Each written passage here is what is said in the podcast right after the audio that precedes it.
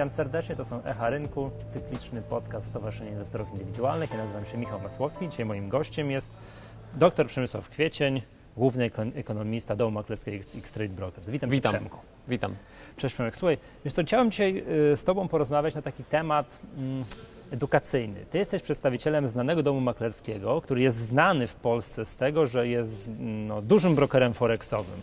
Jakie wy macie doświadczenia z klientami? Bo jest tak, to wy wiecie od podszewki, jak to wszystko jest, a to, to jest, ty, ty naprawdę znasz prawdę, a po mediach krążą różnego rodzaju opinie, że ten Forex to jest strasznie niebezpieczny rynek, że to Matko Boska to jest takie, że to nie jest dla początkujących inwestorów, że to jest tam jest bardzo niebezpiecznie i że tam jak ktoś nie ma ogromnej pieniędzy i nie jest rekinem finansowym, to lepiej, żeby trzymał się z daleka. Czy tak faktycznie jest? Powiedz mi, mm, do, dla kogo jest rynek Forex? Kto powinien się zainteresować, a kto powinien się trzymać od niego z daleka? E, dużo pytań. Może zacznę od tego, że nie powiem, że rynek Forex jest dla każdego, bo nie ma rzeczy dla każdego, prawda?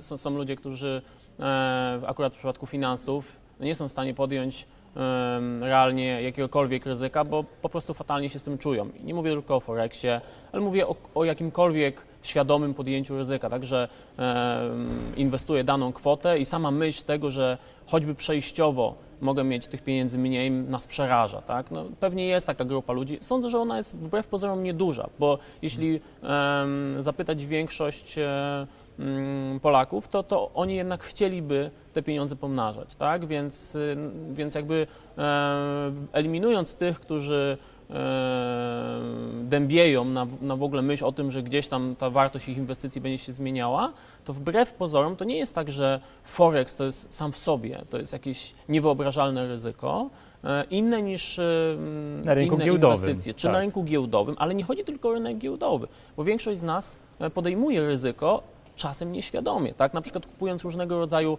produkty bankowe, polisolokaty, tak? E, tak quasi ubezpieczenia. Czy, czy, też zakładając y, działalności gospodarcze. To tak, ale to jest troszeczkę innego rodzaju ryzyko. Tak? To jest ryzyko, m, mm, które często czujemy, że mamy nad nim taką bezpośrednią kontrolę. Na rynkach finansowych czasem jest tak, że my podejmujemy decyzje czasem bardzo świadome, po dogłębnej analizie, a rynek robi i tak co innego i jakby z tym trzeba um, mhm. się liczyć. Natomiast to nie jest tak, że na rynku Forex e, za chwilę gdzieś tam te wszystkie pieniądze stracimy, tak, bo tam to ryzyko jest jakoś 100 razy większe, a gdzie indziej tego ryzyka mm, nie ma, bo mamy ładne ulotki, gdzieś tam fajny wykresik, że nam coś rośnie e, mhm. do nieskończoności, tak, więc to ryzyko ryzyko jest po prostu cechą nieodłączną rynków finansowych. W każdej książce przeczytamy, że jeśli chcesz zarobić więcej, musisz więcej zaryzykować. Teraz jest kwestia tego, żeby to ryzyko podejmować świadomie. Tak, bo to jest tak, że inwestorzy jak zaczynają inwestować, czy to na giełdzie, czy to na Forexie, to każdy no, nie, nie, nie, nie przychodzi na rynek po to, żeby zarobić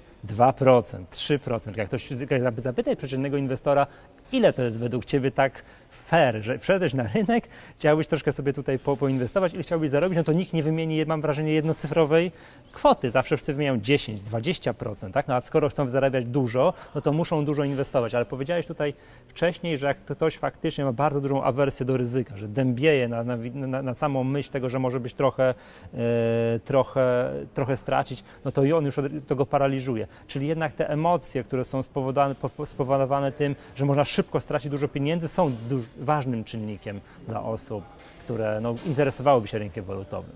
Tak i nie, bo, mm, bo wrócę do tego, od mhm. czego zacząłem, że e, często podejmujemy nieświadome ryzyko. No, przy, przywołajmy te osoby, które połasiły się na, na wysokie oprocentowanie lokat w Amber Gold, tak? On, im się wydawało, że nie podejmują ryzyka, to ryzyko podejmowały, te pieniądze straciły, tak? Więc... Albo nie chciały wiedzieć, nie, nie dopuszczały Dokładnie myśli Dokładnie tak, nie że... dopuszczały tak. myśli, tak? To jest taka pewnego rodzaju mhm. naiwność, tak? Oj, tutaj to fajnie wygląda i na pewno mm, nie stracę. Także, więc jakby wydaje mi się, że to jest dużo gorsza, dużo gorsze podjęcie ryzyka niż to, jeśli świadomie podejdziemy do naszych finansów i e, na przykład mamy jakąś nadwyżkę finansową e, rzędu X i jesteśmy e, w stanie zaryzykować część tej nadwyżki, bo na przykład częściej e, lokujemy bardzo bezpiecznie w depozyty, w krótkoterminowe obligacje i wiemy, że te pieniądze, ten kapitał na pewno zachowa swoją Mam. wartość, Jak, tak, mhm. to jest takie minimum, którego potrzebuję, a część mogę zaryzykować w bardziej świadomy sposób. Jeśli zaryzykuję świadomie, to to, czy ja to zrobię poprzez na przykład właśnie rynek Forex, inwestując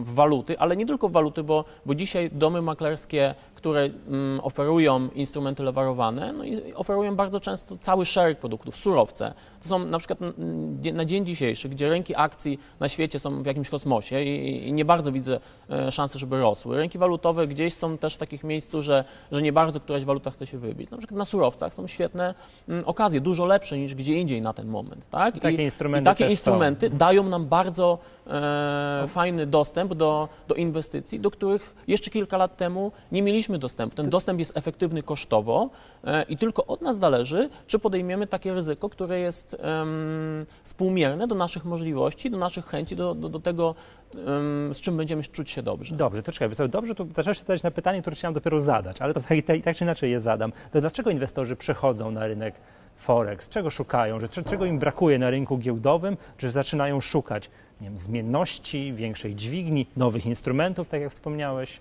Wszystkiego po trochu sądzę, bo e, no, jeśli popatrzymy sobie na to, jak radzi sobie giełda w Warszawie m, w ostatnich latach, mówię o koniunkturze, no to, to nie jest dobrze, tak? No E, tak. I, Każdy, i, kto zna wykresy giełdowe, to wie, tak, że i tak naprawdę dobrze. tak. m, strategią, która mogła, mogła jedynie przynosić zyski w ostatnich latach było sprzedawanie na krótko, czyli już pewnego rodzaju krok wyżej w takiej świadomości inwestora Mhm. niż takie klasyczne inwestowanie. Zakładam rachunek, kupuję akcje i tyle i czekam sobie na dalszy rozwój sytuacji. Jak mam nowe pieniądze, to coś tam dokupuję, tak?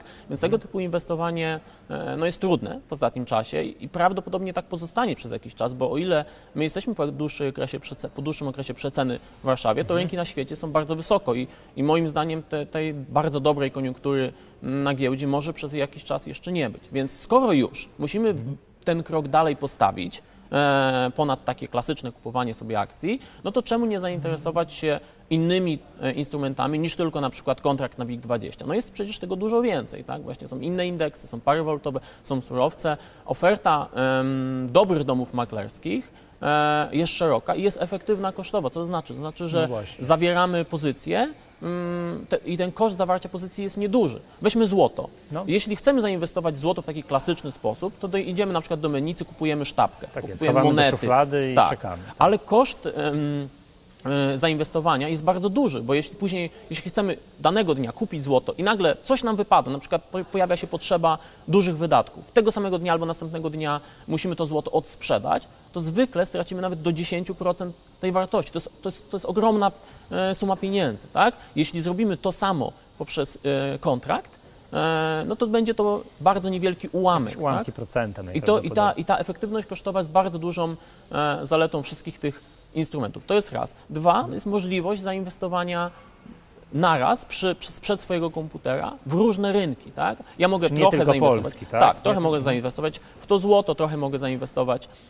w akcje, trochę mogę e, zainwestować w daną walutę i, i to wszystko mogę zrobić w prosty sposób, Surowce, o na jednej platformie e, i mogę to zrobić w sposób efektywny, tak? Więc, więc wydaje mi się, że to też jest bardzo, e, bardzo istotne. Ta świadomość gdzieś tam dopiero się przebija, no bo, bo jednak, no umówmy się, kilka, kilkanaście lat temu em, większość tych możliwości, szczególnie dla inwestora indywidualnego, nie istniała. Gdzieś tam duzi gracze, banki, tak, fundusze, owszem, ale te koszty też były wyższe. Teraz koszty spadły i ta dostępność em, zdecydowanie wzrosła. No, z roku na rok faktycznie, jak przypomnę sobie ofertę tych biur, takich brokerów Forex to jest sprzed pięciu lat, a jak patrzę na ofertę dzisiaj, no to jest faktycznie nieporównywalne i przede wszystkim to, co powiedziałeś, e, ta efektywność kosztowa, że te mm, prowizje, spready są faktycznie w porównaniu na przykład nie wiem, do kontraktów na WIG20, to jest w ogóle nieporównywalny poziom, jeżeli chodzi o, no, no taka zachęta dla day traderów, jak ktoś chce być aktywnym day traderem na kontraktach na WIG20, no to dobrze wie, jaki, jaki udział procentowy prowizji w tym wszystkim Dokładnie. Im tym częściej handlujemy, jest, tym tak ta, jest. ten, ten, to znaczenie jest. kosztów Mhm. rośnie. Dobrze, Przemek, wiesz co, wymieniłeś tak jednym tchem te faktyczne zalety inwestowania na, na, na, na, na Forexie. Mm, A powiedz, powiedzmy może tak, no, skoro tak rozmawiamy, mamy nagranie edukacyjne o wadach. No co z tą zabójczą dźwignią, która wiemy, że jest no, głównym główną przyczyną tych wszystkich sta- nieszczęsnych statystyk, które potem KNF podaje. Co, Tak, dokładnie. Znaczy tutaj dźwignia to jest pewnego rodzaju mit, Znaczy ona faktycznie zbiera pewne żniwo wśród głównie nowych inwestorów, natomiast to nie jest tak, że dźwignia nas zabija, tak? Czy że dźwignia sama w sobie może nas uczynić milionerami, tak? W, stylu od zera do milionera, tak? Gdzieś tam w miesiąc.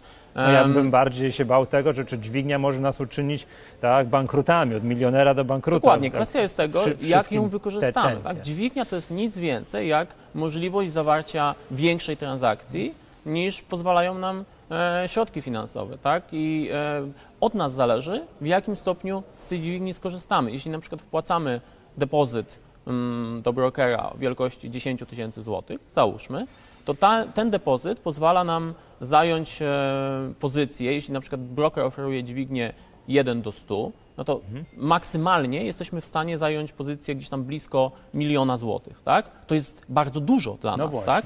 Jeśli, naszy, jeśli to 10 tysięcy to jest e, duża część naszych oszczędności, to mili, pozycja za milion złotych jest ponad naszą miarę. To jakby najprostsza logika nam No to właśnie, czy podpowiada, inwestor prawda? indywidualny, chcący tak inwestować, czy to jest dobra droga, czy może sobie sam jakoś poziom tej dźwigni regulować? Jeżeli On już... może regulować ten poziom tej dźwigni, dobrze, że, że, że o to pytasz, bo do tego zmierzam, zajmując y, odpowiednią wielkość pozycji. Tak? On nie musi zająć od razu tak dużej pozycji, na jaką tylko pozwala mu depozyt.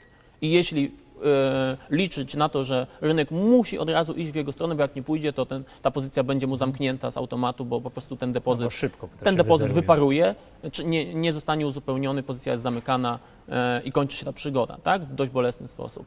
Wystarczy zająć tą pozycję odpowiednio mniejszą, tak żeby e, można, można sobie to w prosty sposób przeliczyć, tak? Jeśli ja zajmuję pozycję, e, gdzie zużywam 10% mojego depozytu, e, a dźwignia jest 1 do 100, to znaczy, że zajmuję pozycję 10 razy większą niż depozyt, tak? E, prosta matematyka, czyli zajmuję pozycję na przykład o wartości 100 tysięcy złotych. Jeśli zmienność na rynku mm, jest rzędu 0,5%, procenta, to jest, to jest taki standard na parach walutowych, to taka już pozycja mnie nie zabije, tak?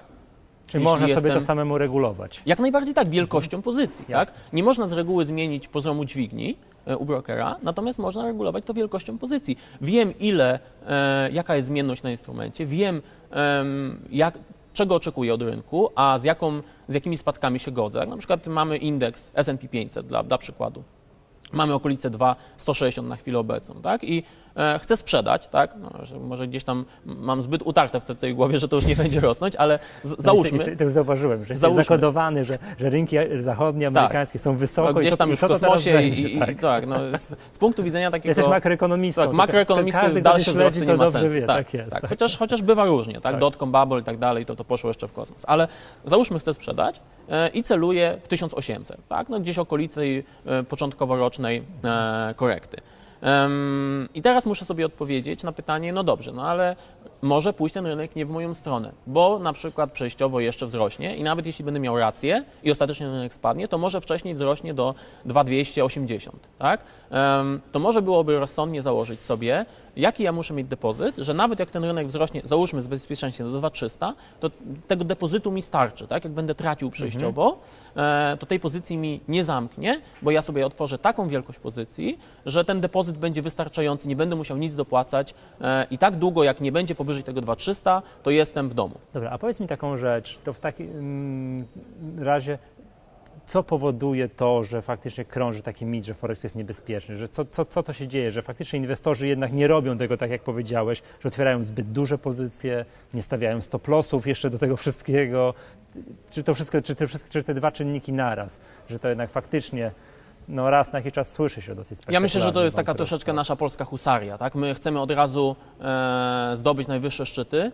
No Mam niekoniecznie 5 właśnie podchodząc... milion za, tak, za pół nie, roku, tak? niekoniecznie podchodząc do tego krok po kroku, tak? Czyli maksymalna wielkość pozycji, na jaką pozwala mi depozyt, czasem nie do końca przemyślana pozycja, czyli na zasadzie już mam otwartą e, tą platformę, już muszę kliknąć, tak? Nie, nie, nie, niezależnie od tego, czy ja przemyślałem to, czy No przecież nie po to stronę. otwierałem rachunek, płacałem Tak. pieniądze, żeby się na niego Dokładnie, patrzeć, tak? już muszę zarabiać, tak, gdzieś tam no jeszcze czasem możemy przeczytać na forum, ten tyle zarobił, ten tyle, tak, no z reguły chwalą się ci, którzy zarabiają, więc, e, więc ta presja psychiczna też jest, ja muszę też być tym zwycięzcą, no i gdzieś tam e, okazuje się, że mm, nie poszło w moją stronę. Czasem jest tak, że jeśli jeszcze nam trochę tego depozytu zostało, to jeszcze dokładamy, tak? no bo przecież ja mam rację, a nie rynek.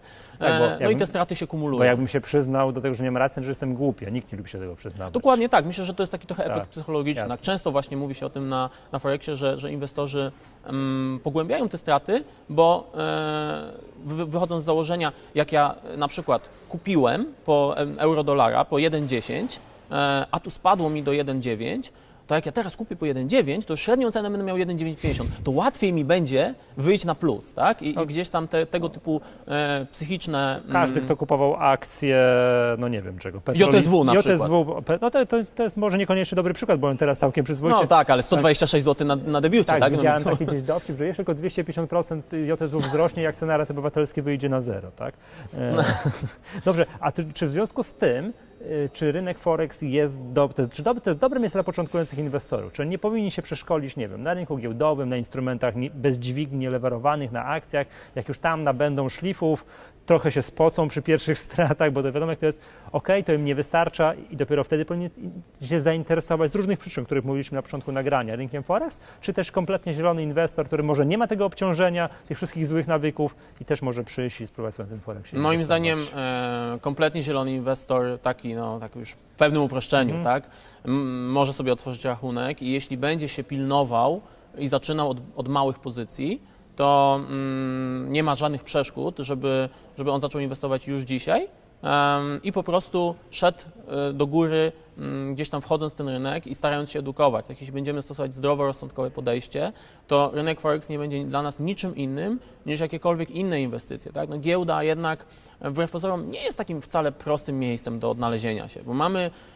kilkaset spółek, no jak wygra, wybrać te dobre, tak? To nie jest tak, że giełda jest łatwiejsza niż, e, niż na przykład pary walutowe, których jest dużo mniej, czy, czy surowce, których jest dużo mniej. Łatwiej się jest nauczyć na przykład tego, co rządzi cenami ropy czy złota. Ja nie mówię, że to są łatwe rynki do zarabiania, ale łatwiej jest odnaleźć się e, na przykład w fundamentach jednego czy dwóch rynków surowcowych, czy fundamentach kilku par walutowych, niż mieć wyrobione dobre zdanie na temat kilkuset spółek, Tak, tak? tylko że w przypadku spółek jest ten efekt, o którym rozmawialiśmy, że załóżmy, że kupiłem to JSW po 126, ono jest teraz tam po 30 parę złotych, to ja, wiesz, mogę mieć to do dzisiaj i do dzisiaj tego nie sprzedać, Ale do tak dzisiaj, samo- ale i tak do samo dzisiaj jest, nie e, przyznać się, że nie miałem racji. Zgadza się, Wiesz, ale to to i jest... trzymać, trzymać to do tak. nieskończoności. Oczywiście, tak? ale czysto teoretycznie tak samo jest na Forexie, jeśli dobierzemy tak, taką wielkość pozycji, że ta dźwignia Nie zabije będzie miała będzie dla nas znaczenia, bo Mhm. mamy duży, odpowiednio duży depozyt, zaryzykowaliśmy sobie mało i patrzymy, tak, jak się rozwija rynek, staramy się w międzyczasie zrozumieć, dlaczego tak się stało, tak, bo to jest podstawa jakiegokolwiek inwestowania, żeby rozumieć mechanikę rynku, dlaczego wystąpił jakiś ruch, tak, nie kłócić się z tym rynkiem, że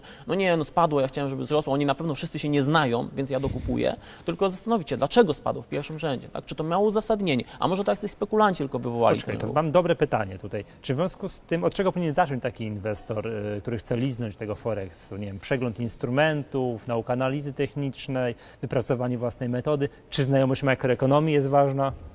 Czy ja uważam, e, że warto wiedzieć, e, dlaczego ceny się zmieniają. Tak? Mhm. Są inwestorzy, którzy nie grają pod dane, czy nie grają pod jakiś. Czysta technika. Tak, czy, czysta technika, ale wydaje mi się, że nawet w tym przypadku warto wiedzieć jest, e, co wywołuje zmiany cen. Bo nawet jeśli gramy na, na czystą technikę i próbujemy różnych systemów, które, no nie oszukujmy się, mają po prostu troszeczkę oszukać e, jakąś tam losowość rynku, to może być tak, że jak na przykład dziś e, mamy mm, raport z rynku pracy USA e, i on może wywołać dużą zmienność Może rynku, grzmotnąć tak, Tak, że żadna grzmotnąć. technika nam jeśli- nie, nie pomoże. Dokładnie. Tak? Jeśli, jeśli em, mamy pozycję techniczną, to po pierwsze musimy być świadomi tego, że dziś o 14.30 będzie boom i musimy być przygotowani na to, że może być duża zmiana. Gramy na przykład na jakichś małych interwałach, więc, więc tam ta taka duża świeca Mhm. może być albo na, na sprawić, że zarobimy od razu bardzo dużo, albo z drugiej strony może nam tą pozycję Tak. I zlikwidować. warto wiedzieć dlaczego.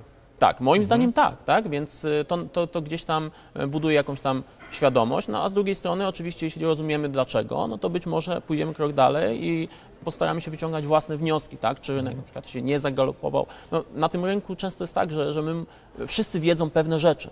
E, Wiedzą o tym, że na przykład sytuacja w Stanach Zjednoczonych jest lepsza niż w Europie, tak?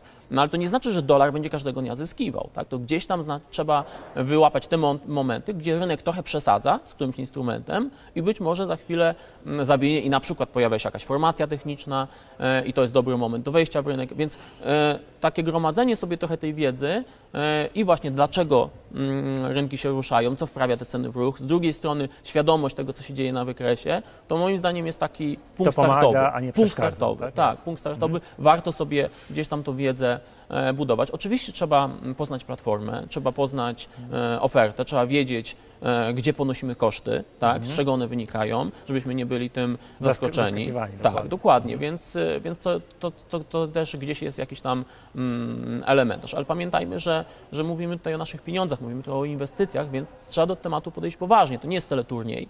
E, i, I czasem na dużo bardziej błahe rzeczy poświęcamy dużo czasu, e, więc też y, nasze finanse, jeśli chcemy do nich podejść na poważnie, no wymagają e, pewnego zaangażowania. Jasne. A powiedz mi tak, czy też z tego punktu widzenia takich trochę początkujących inwestorów, czy gra na demo to jest dobry pomysł? No przecież tam jak nie ma żywych pieniędzy, prawdziwych, tylko pieniądze w eurobiznesie, tak, takie papierowe, no to nie ma tych emocji takich, jak towarzyszą prawdziwemu rynkowi. Czy w związku z tym powinniśmy inwestować na demo, choćby po to, żeby własną metodę wyrobić, czy jednak od razu prawdziwe pieniądze, żeby od razu, jak się nie idzie po naszemu, żeby poczuć, że nam że pocimy się przy tym, jak, jak, jak tracimy pieniądze. Jakie jest Twoje zdanie na ten temat? Czy ja uważam, że jedno może iść w parze z drugim. E, to nie, nie powinno być na pewno tak, że em, jesteśmy inwestorami demo przez 5 lat i, No, e, i gdzieś tam, a, a pieniądze leżą w skarpecie. Em, można zacząć sobie spokojnie inwestować jakimiś małymi kwotami na rachunku rzeczywistym, tak, żeby już poznawać to, co mówisz, te, te też efekty psychologiczne, tak, i tego, jak sobie radzimy, na przykład poznać naszą tolerancję na ryzyko, tak, żeby dobrze je dobrać do, do swojej strategii, do, do, do swoich inwestycji, ale z drugiej strony demo też jest mm, pożyteczne, bo możemy poznać ofertę nowego brokera, jego platformę, Czy e, działa, zobaczyć, działa, czy nam czy pasuje. płynnie, czy Dokładnie, wszystko, tak, tak. czy wszystko działa jak należy. Em, możemy, tak jak też powiedziałeś, przetestować pewne strategie, szczególnie jeśli chcemy spróbować czegoś nowego, spróbować jakiejś strategii analizy technicznej. Niekoniecznie, jeśli nie jesteśmy do tego przekonani, ale na przykład ktoś mówi, że to jest super, niekoniecznie musimy od razu ryzykować swoje pieniądze. Można na rzeczywistych wydarzeniach spróbować parę razy sobie na tym demo kliknąć, zobaczyć jak to wychodzi, spróbować taką pozy- pozycją pozarządzać, kiedy chcielibyśmy z niej wyjść, kiedy e, uciąć straty, tak? I, I wtedy, jeśli to się sprawdza, to być może będziemy chcieli przenieść to nasz, na nasz rachunek No rzeczywisty. słyszałem taką opinię, że jak nie umiesz zarabiać na demo, to nie pchaj się na rynek prawdziwy. Naucz się najpierw Tak, na, jeśli, jeśli, na jeśli papierowych klikamy pieniądzach i zarabiać. Przede wszystkim, tak. jeśli, jeśli klikamy na tym demo i nie wiemy dlaczego, pewne, e, no nie chodzi o to, czy, czy umiemy zarabiać, czy nie, bo jeśli zarobiliśmy pięć transakcji z rzędu, ale w sumie nie mamy kompletnie pojęcia, dlaczego tak się Jakoś stało, tak, o, to być może to też wyszło, jest tak? moment, to też jest taki Tak. sygnał, że powinniśmy jeszcze e, do tych inwestycji na rachunku rzeczywistym podchodzić e, w sposób jakiś tam ostrożny, aczkolwiek z drugiej strony, tak jak powiedziałeś, dobrze jest przynajmniej jakimiś niewielkimi pieniędzmi już ruszyć, żebyśmy też no, podchodzili do sprawy na poważnie, bo jeśli to będą nasze pieniądze, to będziemy w to bardziej zaangażowani. Tak, no to jest bardzo ważne, że to zupełnie co innego jest, jak ktoś jest, się gra nie, nie swoimi, swoimi lub zupełnie na. To są kompletnie inne odczucia. Dobrze, Przemek, co powiedz mi tak na koniec, bo to już słyszałem już Twoją opinię o, o poziomie, jeżeli chodzi o indeksy akcji amerykańskich, że jesteśmy pod sufitem, tak, no to już, to już ja przyznam, przyznam się, że ja też się boję, no bo co to będzie, jak tam będzie jakaś znaczna bessa, a my jesteśmy na tych poziomach, co jesteśmy, to co się u nas będzie działo, to z przerażeniem do tego podchodzę. Ale to jest tak, że inwestorzy, to się mówi, że inwestorów grających na Forexie w Polsce jest mało. No nieprawda, w Polsce jest kilka milionów osób, którzy grają na rynku walutowym. Mam na myśli wszystkich kredytobiorców, którzy mają kredyty w, akc- w walutach obcych, w szczególności w tym nieszczęsnym franku, o którym jest najgłośniej. To po, powiedz mi, czy miałbyś słowa pociechy dla e, kredytobiorców e, we franku, czy raczej, czy raczej wręcz przeciwnie, chciałbyś ich zmartwić na przyszłość? Czy Nie chcę nikogo martwić ani, ani specjalnie pocieszać. To jest dobre, e, że, że jakby tym puentujesz, bo, bo wracamy do punktu wyjścia, świadome podejmowanie ryzyka, tak? Więc, więc pokazujemy, że dużo lepiej jest inwestować wiedząc, ile mogę zarobić, ile mogę stracić, niż gdzieś tam troszeczkę podchodzić do tego na poziomie e, hazardu, bo, bo tutaj kredyt to na Albo pewno ja nie wiem, nie na interesuje mnie doradca, mi tak doradził. To tak, jest, dokładnie, dokładnie tak, dokładnie tak. Więc e, przechodząc do samego złotego i franka, no dobrą wiadomością jest to, że stopy w Szwajcarii na pewno pozostaną przez bardzo długi czas na bardzo niskich poziomach, tak? Więc, więc jakby Nie tutaj tam się na nie, nie podwyżki, ma żadnego powodu tego, żeby one rosły. Co prawda też nie będzie tak, że prezes Banku Szwajcarii te stopy obniży, bo ktoś z Polski mu wysłał list. Taka sytuacja była. Mhm. Ale, ale jakby, ale one pozostaną prawdopodobnie jeszcze przez długi czas ujemne, tak? Więc to jest plus. Z drugiej strony, e, no złoty patrząc fundamentalnie jest słaby. tak, jest niedowartościowany. Mm, I gdzieś tam za, w perspektywie dłuższej, ale dłuższej mam na myśli kilka lat, pewnie będzie mocniejszy, bo jeśli patrzymy sobie na różnego rodzaju wskaźniki takie makroekonomiczne, to złoty gdzieś tam jest w okolicach wieloletnich dołków. Jeśli nie będzie jakiegoś dramatu w naszej gospodarce, no to teoretycznie e, od tych dołków powinien odbić. Ale z drugiej strony na chwilę obecną te, te perspektywy na najbliższe miesiące nie są najlepsze, no bo jednak e, obawy co do ścieżki fiskalnej zaczynają rosnąć. Tak. Ja sobie ostatnio mm, starałem policzyć budżet 2018, nie 17, bo ten już mniej więcej znamy mhm. i on mi się nie dopina niestety, więc, więc wydaje mi się, że, że tutaj pewna presja niestety przez jakiś czas jeszcze E, pozostanie. Z drugiej strony czas dobrej koniunktury tej najlepszej koniunktury pewnie mamy w większości za sobą, a złoty jako ta waluta rynków wschodzących też źle sobie radzi, jeśli jest nerwowo na rynkach światowych. Tak, wszystkie tak? krachy, brexity, Więc to złotówka bardzo faktycznie. złoty, wtedy... złoty sobie radzi w tym momencie nie najlepiej. Także mm, ja na chwilę obecną nie widzę jakiejś takiej paniki w stylu e, roku 2008-2009, kiedy, kiedy ta wyprzedaż złotego czasem było tak, że po kilkanaście groszy złoty tracił w ciągu jednego dnia. Więc na razie tego nie ma, bo też trochę jesteśmy mniej wrażliwi na to finansowanie w walucie zagranicznej jako sektor bankowy, niż to było kilka lat temu. No ale z drugiej strony też nie ma specjalnie na razie podstaw do tego, żeby ten złoty szalał i, i tutaj ja bym się jakoś bardzo e, wyraźnie umacniał, więc, więc ja bym się przyzwyczaił do tego franka gdzieś tam w okolicach 4 zł. Tak jak jest teraz, tam 3,90. Tak, dokładnie. No dobrze, Przemek, bardzo Ci pięknie dziękuję. To chciałbym człowiek zakończyć to, co mówiłeś, to jest dobre też, te, te, wychwyciłem taki wątek, że inwestuj świadomie, że nawet jak nie, bez względu na to, czy jesteś y, aktywnym day traderem forexowym, to inwestuj świadomie, to jest o, hasło akcjonariatu obywatelskiego, prawda? Z jednej strony, a z drugiej strony, jak jesteś, wielo, masz wieloletni kredyt hipoteczny w, w obcej walucie, to też wiedz, dlaczego się zmienia rata kredytu, też, do, też dobrze, żebyś wiedział. Dokładnie tak, bo dokładnie mhm. bo to też przybliży nas do tego, żeby w przyszłości podejmować lepsze decyzje odnośnie naszych finansów, czy to w zakresie właśnie kredytowania się, czy to w zakresie własnych inwestycji. Dziękuję serdecznie, to był podcast Echa Rynku. Ja nazywam się Michał Masłowski, dzisiaj moim gościem był dr Przemysław Kwiecień, główny ekonomista Domu Maklerskiego X4 Brokers. Dziękuję, Dziękuję bardzo. bardzo.